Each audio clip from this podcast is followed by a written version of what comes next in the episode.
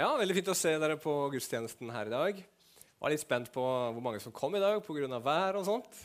Vi hadde jo en gudstjeneste her for en del år siden når det var fryktelig mye snø. Jeg husker Peder og Ellen var der nok, men det var ikke så mange andre.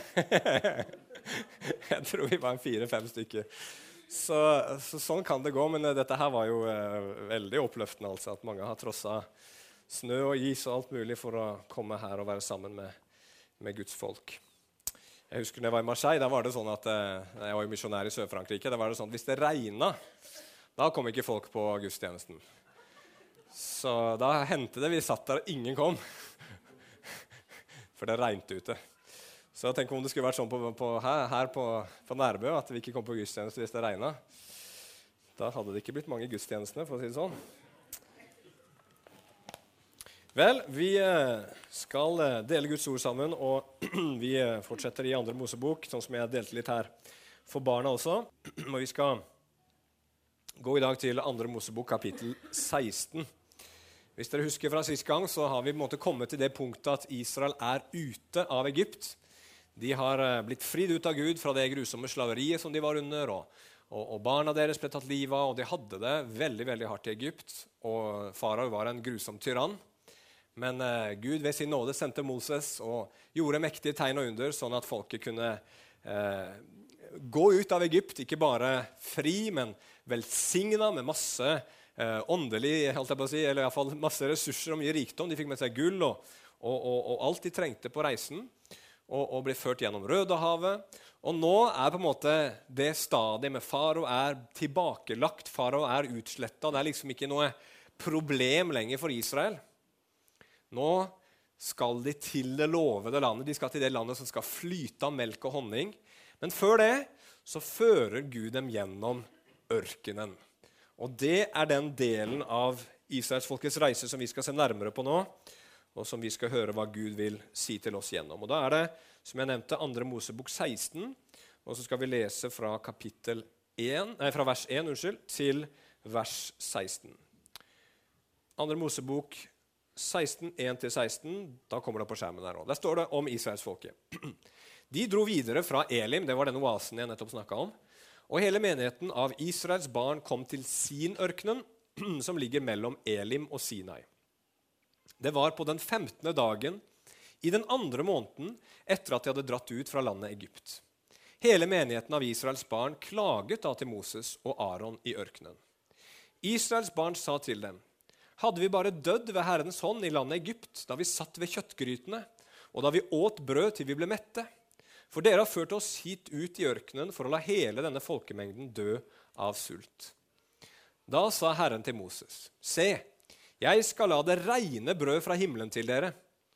Folket skal gå ut og samle en viss mengde hver dag, så jeg kan prøve dem og se om de vil vandre etter min lov eller ikke. På den sjette dagen skal det skje. Når de lager i stand det de har hentet, skal det være dobbelt så mye som de samler daglig. Da sa Moses og Aron til alle Israels barn.: I kveld skal dere få kjenne at Herren har ført dere ut av landet Egypt. I morgen tidlig skal dere få se Herrens herlighet, for han hører at dere klager mot Herren. Men hva er da vi, siden dere klager på oss? Og Moses sa, det skjer når Herren i kveld gir dere kjøtt å spise, og i morgen tidlig gir dere brød så dere blir mette. For Herren hører at dere klager mot ham. Men hva er da vi? Dere klager ikke mot oss, men mot Herren. Så sa Moses til Aron, si til hele menigheten av Israels barn, kom fram for Herrens ansikt, for han har hørt at dere klager. Da skjedde det, mens Aron talte til hele menigheten av Israels barn, da vendte de seg mot ørkenen, og se, Herrens herlighet viste seg i skyen. Herren talte til Moses og sa, Jeg har hørt klagene fra Israels barn. Tal til dem og si, mellom de to aftenstundene skal dere få kjøtt å spise, og i morgen tidlig skal dere bli mettet av brød. Dere skal kjenne at jeg er Herren deres Gud. Så skjedde det. Det kom vaktler og dekket leiren om kvelden, og om morgenen var det et dekke av dugg rundt leiren. Da dekket av dugg forsvant, se, bortover ørkenlandet lå det noe lite, rundt og fint. Det var som rim på jorden. Da Israels barn så det, sa de til hverandre, 'Hva er dette?' For de visste ikke hva det var. Moses sa til dem, dette er det brødet Herren har gitt dere å spise. Dette er ordet Herren bød. Dere skal samle det, og enhver skal få det han trenger til mat. En omer til hver. Etter hvor mange de er, skal hver mann ta til dem som er i teltet hans. Ja, kjære himmelske Far, vi bare ber deg, Gud, om at disse ordene, Herre, som er fra en historie som er veldig fjern fra vår virkelighet, fra det vi lever i det daglige, skal åpenbares for oss, Gud. Til å vise oss, Gud, at vi også trenger åndelig mat, som Bernt sa her, for å leve. Vi trenger deg, Gud. Vi trenger din hjelp. Vi trenger din nåde. Vi trenger at du, Herre, sørger for oss i dette livet. Og nå ber vi deg, Herre, ved din Hellige Ånd, Hjelp oss, Herre. Hjelp meg som det svake karet jeg er, Herre, til å formidle noe av din herlighet, noe av din sannhet i dag, Herre. Hjelp hver enkelt som sitter her i dag, Gud, med, med sine liv, med sine tanker, med sine utfordringer, med sine prøvelser, Herre, til å se og skue litt av hvem du er, se og skue litt av din herlighet i dag, Herre. Vi ber om det i Jesu Kristi navn. Amen. I dag så eh, ser vi at Gud, han prøver Israel igjen. Igjen blir israelsfolket prøvd. Og hvorfor det? Jo, fordi at Gud vil se sånn som vi om sist gang også, hva som bor i hjertene deres. I denne ørkenen hvor de går, så kommer det noe grums til overflaten. Og folket begynner å klage på Moses og på Aron. De er ikke fornøyd med livene sine, og de alle sammen er med på klaginga. Hele folket står det. Hvorfor i all verden fører Gud dem ut i en situasjon hvor de blir prøvd, grumset i livet deres kommer til overflaten? Jo, fordi han vil lære dem noe, fordi han vil forandre dem, og fordi han vil helliggjøre dem.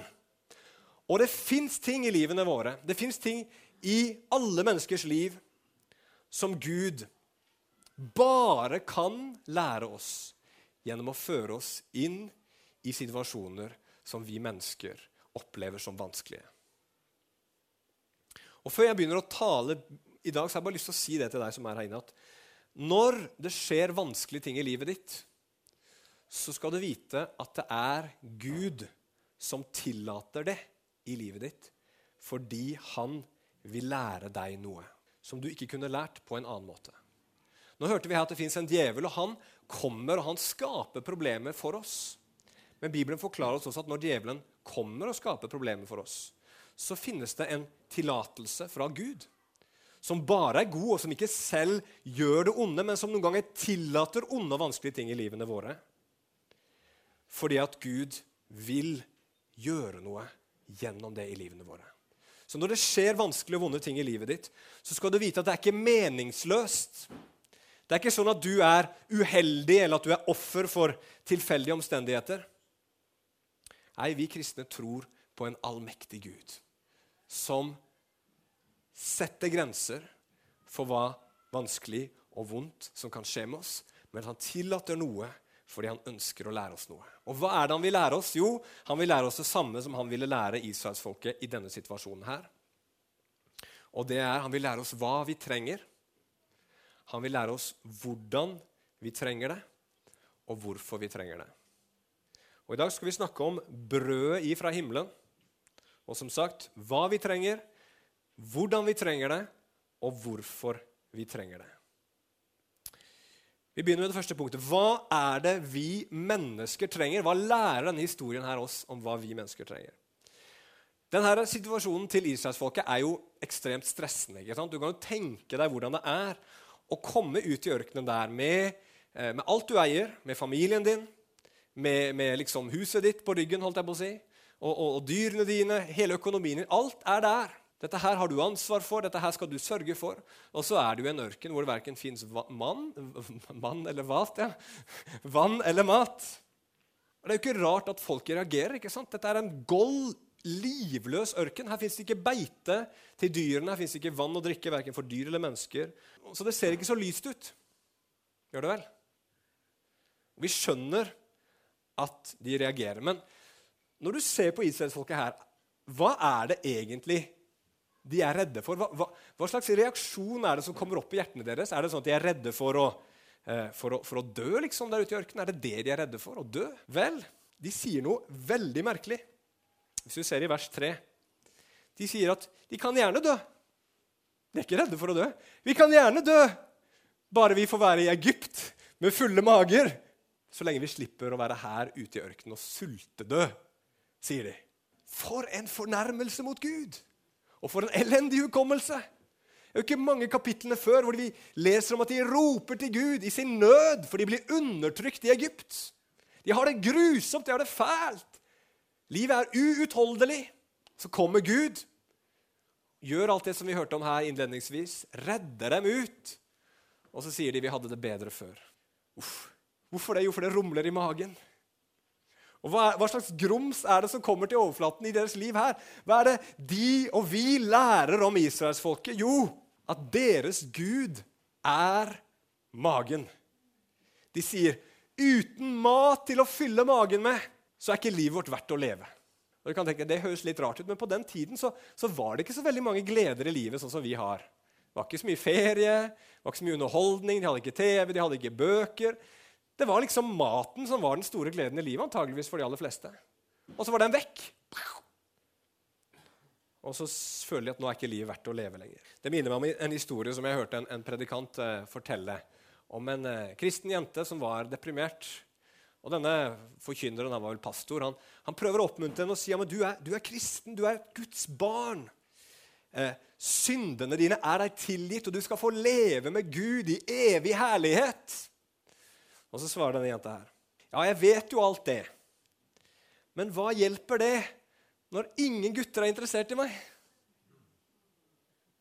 Noen ting i livene våre er og blir altfor viktige. De blir så viktige at når vi enten mister de, eller mister håpet om å få det, så føles livet meningsløst.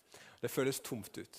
Det kan være alt fra at du trenger å ha kontroll i livet ditt. og Med en gang du fø mister følelsen av kontroll, så tenker du 'Å, nå orker jeg ikke mer'.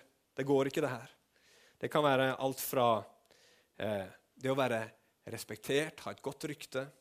Det kan være økonomisk frihet. Det kan være det å, som denne jenta hadde, å ha noen å dele, livet, li, dele livet sammen med. Altså, når vi kommer i vanskeligheter, så kommer det til overflaten. Det vi, vi liksom ah, Dette her kan vi ikke leve uten.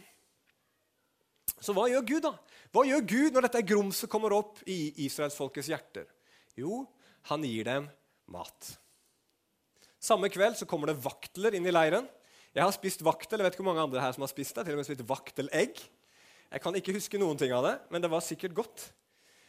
Men på den tiden her så var det veldig vanlig å spise vaktel, og egypterne anså det som en delikatesse. Og De kom flyvende inn, gjerne med vinden, for de var ikke så gode til å fly. Og De ble slitne, og da landa de, og da kunne du ta dem med hendene dine, sånn som jeg sa eh, til barna i stad. også. så, så, det skulle, skulle, komme vaktler, det skulle komme fugler som Gud sendte, som de kunne spise den kvelden. Og så, i tillegg til det, så skulle Gud neste dag og 40 år etterpå gi dem noe som han kaller brød ifra himmelen hver eneste dag. Og Det står det var et sånt hvitt, lite, rundt korn som de fant på bakken, og som smakte søtt. Smakte honning. Og Det kunne de bake, de kunne lage brød av det, tydeligvis, og de kunne koke det, så de kunne lage pasta, spagetti farfa, hva heter det? Eh, farfell, farfalla? Er det sånn? Nei, de, kunne fall, de kunne lage masse forskjellige fine, gode ting med det, sånn at de fikk mat. Manna kalte de det, og det betyr rett og slett bare 'hva er det?' Så de spiste 'hva er det?' hver eneste dag i 40 år. Og så må vi jo liksom stille oss spørsmålet hvorfor i all verden gjør Gud det på den måten. Hvorfor, hvorfor, hvorfor gjør ikke Gud det sånn når de liksom er ferdig med Rødehavet der, og så, og så, og så står, de, står, de, der og skal ut i ørkenen, og sier Gud ok, nå er vi på vei ut i ørkenen her. Og jeg skjønner jo det at her er det verken vann eller mat, så jeg har en eh, plan. Jeg har nemlig tenkt at hver eneste morgen skal dere få en, eh, en, en type brød, et overnaturlig brød som dere skal få lov til å spise, sånn at skal, dere skal få noe å spise gjennom alle disse årene, eller den, all den tiden dere skal gå gjennom ørkenen. Hvorfor sier ikke Gud det på forhånd liksom, og forbereder dem på at her, her har jeg en plan? Manna. Apropos manna. Det er en litt morsom historie jeg hørte her eh, på Betel. Det er faktisk noe jeg, det er selvopplevd. Her på Betel så hadde jo Fredagsklubben tidligere, og da var en av premiene noe som heter Manna-bibelen, som barna fikk. Så var det noen små barn som så denne Manna-bibelen. Så sa de Hm, man, Manna-bibelen? Hvorfor har de ikke noe til, har de ikke noe til damer òg? spurte de. ja, ok, det var en digresjon, da. Men hvorfor i all verden lot Gud Israelsfolket komme til det punktet at de var skikkelig sultne før han lovte dem å sørge for dem og gi dem manna hver eneste dag? Jo, det var fordi at manna var noe mer enn bare mat. Manna skulle lære dem noe, manna skulle peke på noe. Og hva er det? Jo, To ganger i denne teksten her så ser vi at det snakkes om Guds herlighet. I vers 10, når Gud skal fortelle dette til folket, så kaller han dem til et møte, og der får de se Guds herlighet i skyen. De får se Guds stråleglans. Det er det Guds herlighet er. Det er liksom hans skjønnhet og hans majestet i synlig stråleglans. Det strålte ut fra den skyen som fulgte Israelsfolket mens de gikk gjennom ørkenen. Så Der får de se Guds herlighet. Men så sier han i vers 7 også at de skal få se Guds herlighet neste morgen. Men når vi leser om hva som skjedde neste morgen, så kommer det ikke noen strålegrans fra himmelen. Det kommer ikke noe sånn overnaturlig spesielt som skjer, men alt det de får, er manna. Hva er det Gud gjør for noe? Jo, han fører dem ut i ørkenen. Han tar dem til de punk det punktet hvor de sier vi trenger fulle mager for å leve. Uten det så er ikke livet verdt å leve. Og så sier Gud, jeg skal, jeg skal sørge for de tomme magene deres. Men det er ikke mat dere egentlig trenger først og fremst. Dere trenger min herlighet. Det er det Gud forsøker å fortelle det. Og vi mennesker vi er jo sånn at vi er ikke her nede på jorda for å eksistere. er vi Det Det er ikke det som er målet vårt, at vi skal eksistere. Nei, Vi er her nede fordi vi ønsker å leve. Derfor så søker vi så mange ting. Vi søker lykken. Vi søker det vi kaller å leve livet. ikke sant? Ja, Gjør du ikke det allerede? Ja, men Vi mener noe mer med det enn bare å eksistere. Noen jobber hardt og målretta for et eller annet de vil oppnå. Vi drømmer om ting. Vi håper på ting. Hvorfor det? Jo, for det fins en sult i oss mennesker etter å finne liv, etter å leve, etter mer enn å eksistere.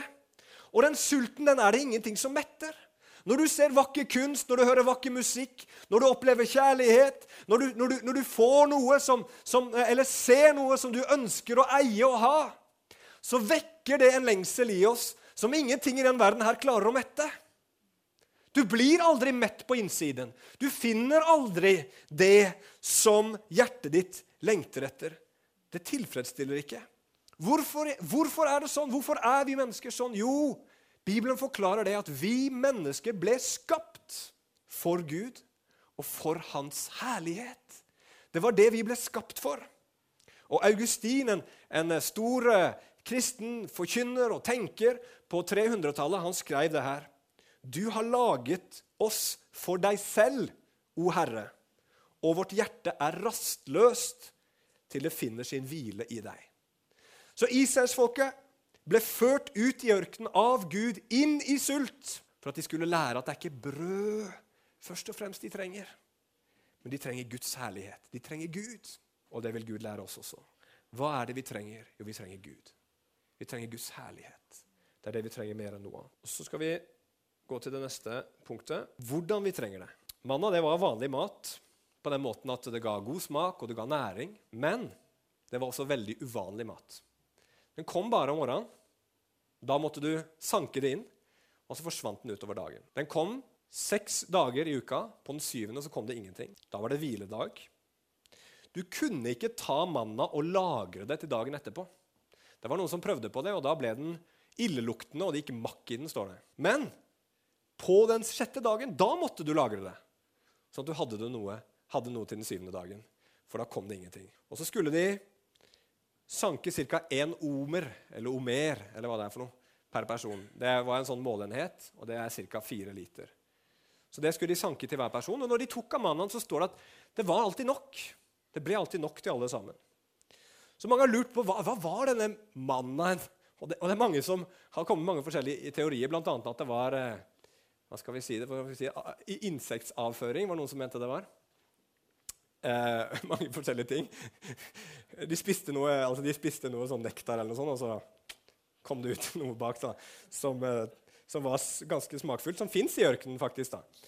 Eh, men, men, uansett hvilken teori man kommer med, så er det veldig vanskelig å kunne si at, at, eh, at det er noe annet eller noe, noe, noe, noe, mindre enn at Gud faktisk gjør noe overnaturlig her. Det er ikke noe naturlig fenomen. Det er Gud som gjør noe overnaturlig.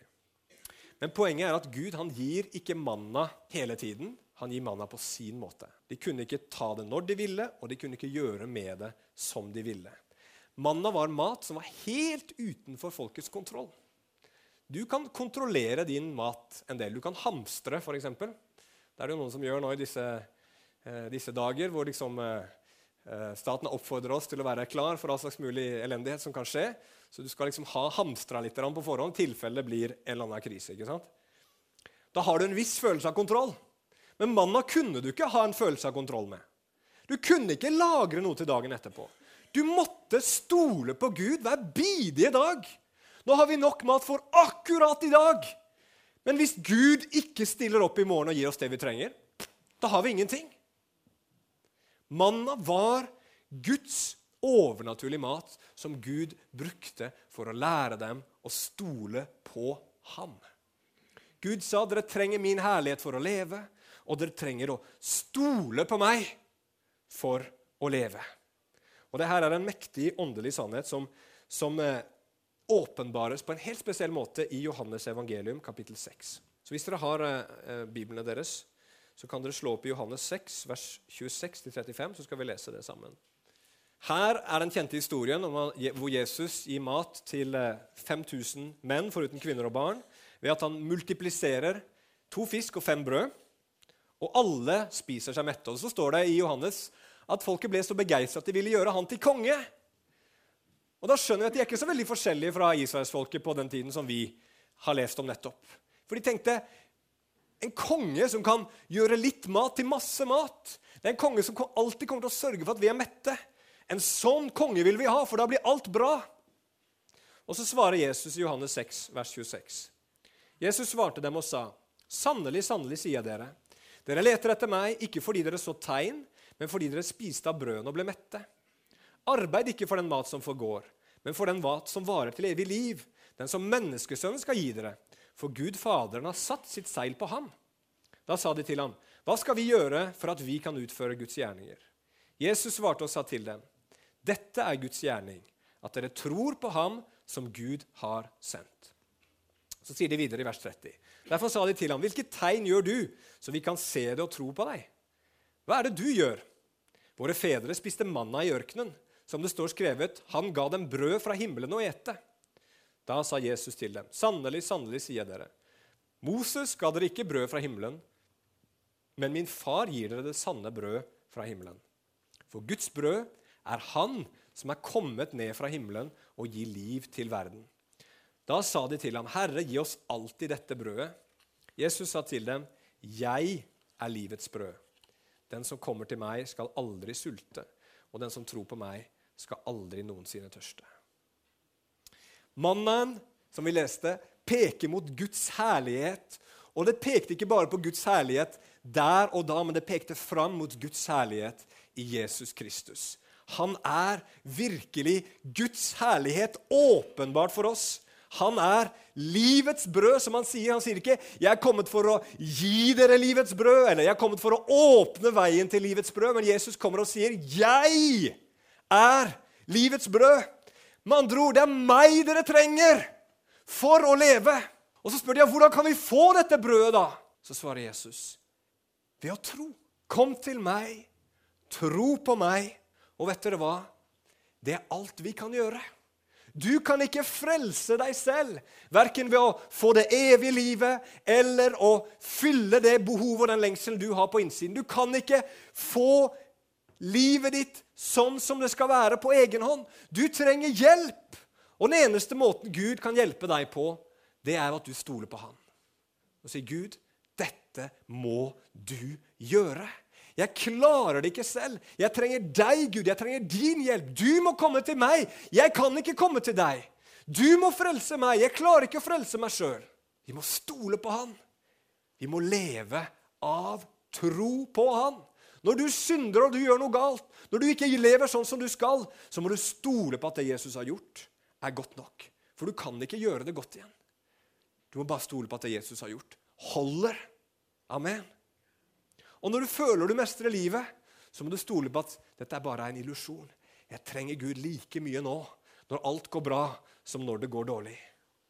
Den rettferdige Du blir ikke bare frelst av tro, står det i Bibelen, men den rettferdige skal leve av tro. Vi trenger Gud, og vi trenger å få Gud av tro. Og hvorfor i all verden er det sånn? Hvorfor trenger vi det? Jo, Vi skal gå til slutt til 5. Mosebok, kapittel 8 og vers 2.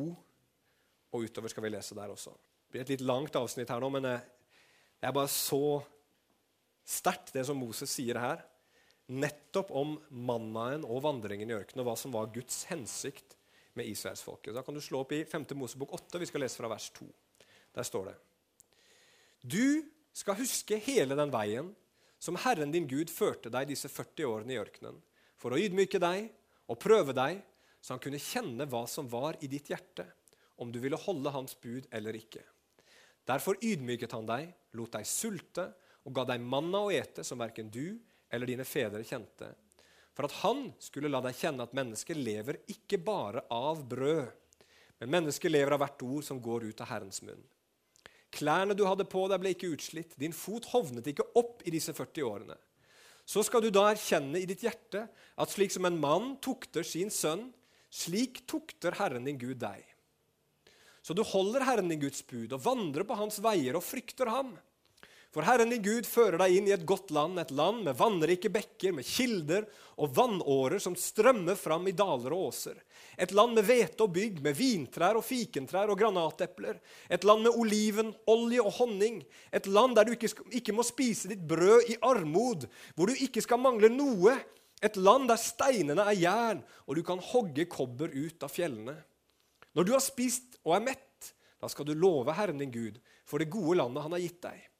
Og så kommer det Vokt deg, så du ikke glemmer Herren din Gud, så du ikke holder Hans bud, Hans dommer og Hans lover, som jeg befaler deg i dag. Når du har spist deg mett og har bygd vakre hus og bor i dem, og når storfe og småfe ditt er tallrikt, og du får sølv og gull i mengder, og alt du eier, blir mer og mer, da vokt deg, så ikke ditt hjerte opphøyer seg, så du glemmer Herren din Gud, som førte deg ut av landet Egypt, ut fra slavehuset. Det var han som førte deg gjennom den store og forferdelige ørkenen, gjennom området med giftige slanger og skorpioner, gjennom det tørre landet der det ikke var vann. Det var han som lot vann strømme ut til deg fra den flintharde klippen. Det var han som ga deg manna å ete i ørkenen, en mat dine fedre ikke kjente, for at han kunne ydmyke deg og sette, prøve, eh, sette deg på prøve, så han kunne gjøre godt mot deg til sist. Da må du ikke si ditt hjerte ved min egen kraft og min egen hånds styrke har jeg skaffet meg denne velstanden.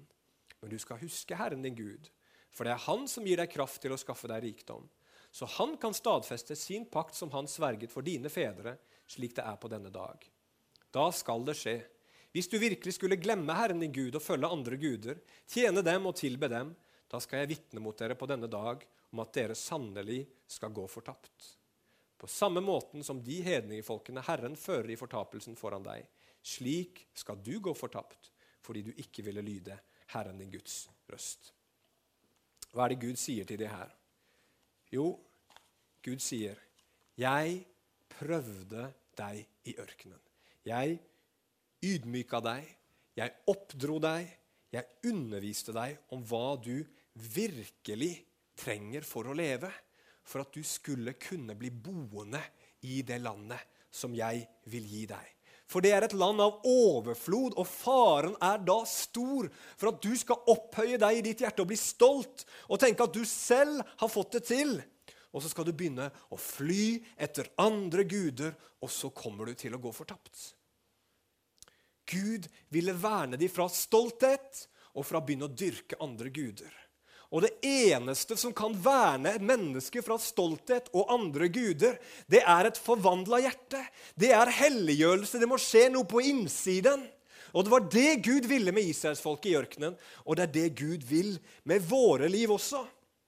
Han holder på å ikke forberede oss på å bo i et land her nede, men han forbereder oss til å leve i evigheten sammen med han. Og Derfor så helliggjør han oss. Jeg har sagt det før, men jeg vil gjenta det igjen. Og det er det at den store tragedien med å gå fortapt. Når mennesker går fortapt, så er den store tragedien ikke det at Gud tar mennesker som egentlig vil til himmelen, og så liksom hiver han dem i helvete mens de skriker og spreller. Det er den store tragedien med fortapelsen. Det er at Gud åpner veien til evig liv sammen med Han for absolutt alle mennesker. Veien er åpen. Jesus døde ikke bare for våre synder, oss som tror, men for hele verdens synd, står det i Bibelen. Alle mennesker kan få evig liv. Det er ikke én som er unntatt, det er ikke én som er ekskludert. Men grunnen til at noen ikke kommer til himmelen, er fordi at de dypest sett ikke vil dit. De vil ikke til en plass hvor alt handler om Gud. De vil ikke til en plass hvor han er sentrum for alt. Hvor du må stole på han i alt. Hvor du må ære han i alt. Hvor du må elske han over alle andre ting. For det er det himmelen er, det er det evigheten er. Det er en plass hvor Gud er alt i alle, står det i Bibelen. Og vet du hva? Det blir fantastisk bra. Det blir nydelig, det blir vidunderlig. Det blir andre ting der òg, men de er ikke så viktige. For det som er sentrum, det som er gleden, det som gir liv, det er Gud selv. Og for mennesker som ikke ønsker å ha Han i sentrum, så er ikke himmelen noe sted å være. Og Derfor så prøver Gud oss for å helliggjøre oss. For å gjøre oss til mennesker som kan forstå at det vi trenger mest av alt, er Gud. Det er bare Han som kan tilfredsstille våre hjerter. Det er bare Han som kan gjøre oss absolutt trygge. Det er bare Han selv, sånn som Han er. Og Derfor står det i Hebrebrevet 12, vers 14.: Legg vind på å leve i fred med alle, og strev etter helliggjørelse, står det, for uten den skal ingen se Herren. Jesus vil forvandle oss, sånn at vi kan trives i himmelen. Vi er som Israel, er vi ikke det? Klager på Gud. Jeg vil gjerne ha et annet liv, Gud. Jeg vil være mer som han eller mer som henne. Jeg orker ikke dette. Det kan ikke være meningen at livet mitt skal være sånn. Gud, jeg fortjener ikke dette. Og det er bare én i Bibelen som ikke har klaga i ørkenen. Bare én i Bibelen som ikke klaga da han ikke fikk sine behov møtt. Dere husker historien om Jesus. Da han ble leda av ånden ut i ørkenen, og han fasta i 40 dager. Og så kommer djevelen til ham. Og Hva er det djevelen frister han med da? Hva er det djevelen sier til han? Jo, Han sier, 'Han som du stoler på, Gud, han bryr seg ikke om deg.' Han ser ikke hva du går igjennom akkurat nå. Han bryr seg ikke om behovene dine. Her må du sørge for deg sjøl. Bruk den kraften du har. Gjør disse steinene til brød, så skal det gå bra. Ellers kommer du til å dø. Dette går ikke bra. Du kan ikke stole på han. Stol på deg sjøl. Og hva svarte Jesus da? Jo, han siterte det vi nettopp hadde lest. Han sier, 'Nei, mennesket lever ikke av brød alene, men av hvert ord som kommer ut fra Guds munn.' Jeg trenger mat, ja, men Gud er mye viktigere enn mat. Jesus til, til, til djevelen. Og så lenge jeg har han, så går det bra. Og så står det at etter at han hadde blitt prøvd i forskjellige ting, at djevelen for ifra han. Og så kom det engler og tjente Jesus. Han fikk det han trengte. De kom sikkert med mat, kom sikkert med alt det han trengte. Men for Jesus var det viktigere å være tilfreds i Gud. Å bøye seg under Gud, lyde Gud, leve med Gud. Enn å få sine egne lyster og begjær oppfylt. Han var tvers igjennom hellig. Og vet dere hva de gode nyhetene er? De gode nyhetene er ikke bare at Jesus sto for oss når vi faller. Men de gode nyhetene er at Jesus sto for oss. Han seira på korset over døden og syndens makt, og han sto opp igjen for at vi også skulle bli forvandla. Vi skulle ikke bare få tilgivelse for våre synder, men Jesus døde for at vi skulle bli helliggjort. For at vi skulle bli forvandla, for at vi skulle bli lik Han. Det er målet med Jesus sin frelse. For å gjøre deg og meg helt nye tvers igjennom. Det står i Bibelen at Jesus han er vår rettferdiggjørelse, men han er også vår helliggjørelse. Og hvordan blir du helliggjort? Kan du bli helliggjort ved å si nå skal jeg bli den helligste personen som fins. Jeg skal bli den beste kristne som fins i to sko på denne planeten. her. Jeg skal være så fokusert, jeg skal være så brennende, jeg skal være så tent, jeg skal være så overgitt. Jeg skal bruke så mye tid på Gud. Jeg skal bruke all min energi på Han. Jeg skal være den helligste personen som noen noensinne har sett. Hvis du gjør det, så kommer du aldri til å bli hellig. Hvorfor det?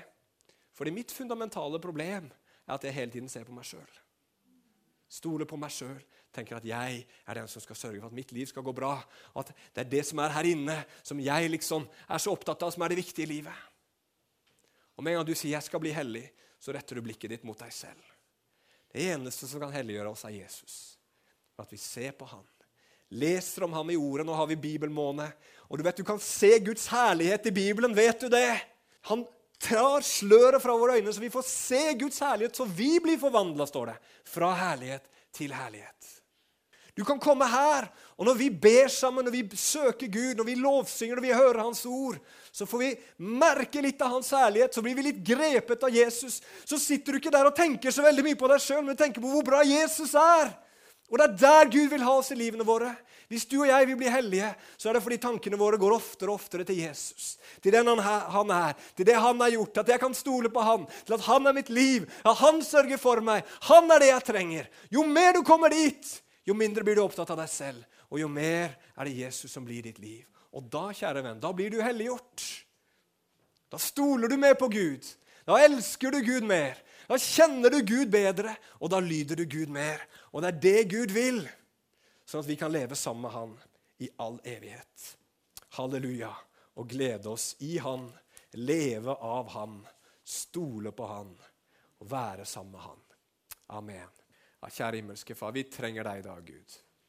Herre, vi trenger deg, for du ser våre hjerter er akkurat som Israelfolkets hjerter, Herre. Vi tror vi må ha så mange ting. Vi tror vi trenger å ha kontroll. Vi tror vi trenger å, å, å liksom, uh, ha, ha, grepet på livene våre. Vite hva som skjer i morgen, Herre. Vi bekymrer oss så mye, Herre Far. Vi frykter så mye, Herre Far. Å Gud, og vi begjærer så mange ting. Men Herre, bare kom til oss nå, Jesus, og vis oss at du er livet, Jesus. Akkurat som du sa, jeg er veien, sannheten og livet. Så fyll våre hjerter nå, Jesus. Fyll oss med ditt nærvær, fyll oss med din kraft. Grip oss, Jesus. Det er min bønn Herre. Og ikke bare nå her på gudstjenesten, Herre. Men når vi setter oss ned Herre, om det er om morgenen, om kvelden eller midt på dagen, med ditt ord, Herre, så la oss få møte deg levende til stede, Herre, på hver side i Bibelen, Jesus. La det ikke bare bli et pliktløp, Herre. La det ikke bare bli informasjon som vi tar til oss, Herre. Men la oss få levende møte med deg, Jesus. La oss forstå, Herre Jesus, på en enda dypere måte at vi lever ikke av brød alene, Herre, men av hvert ord som går ut ifra din munn. Og den, det, det, det, det, mektigste ordet her, det mest åpenbarte ordet, det er deg, Jesus, som ble menneske og tok bolig blant oss, og som har tatt bolig i våre hjerter, Herre Jesus. Halleluja. Å, Jesus, vi trenger deg i dag, og vi søker deg, Jesus. Herre, kom til oss. Kom oss nær nå, Herre, i Jesu Jesus.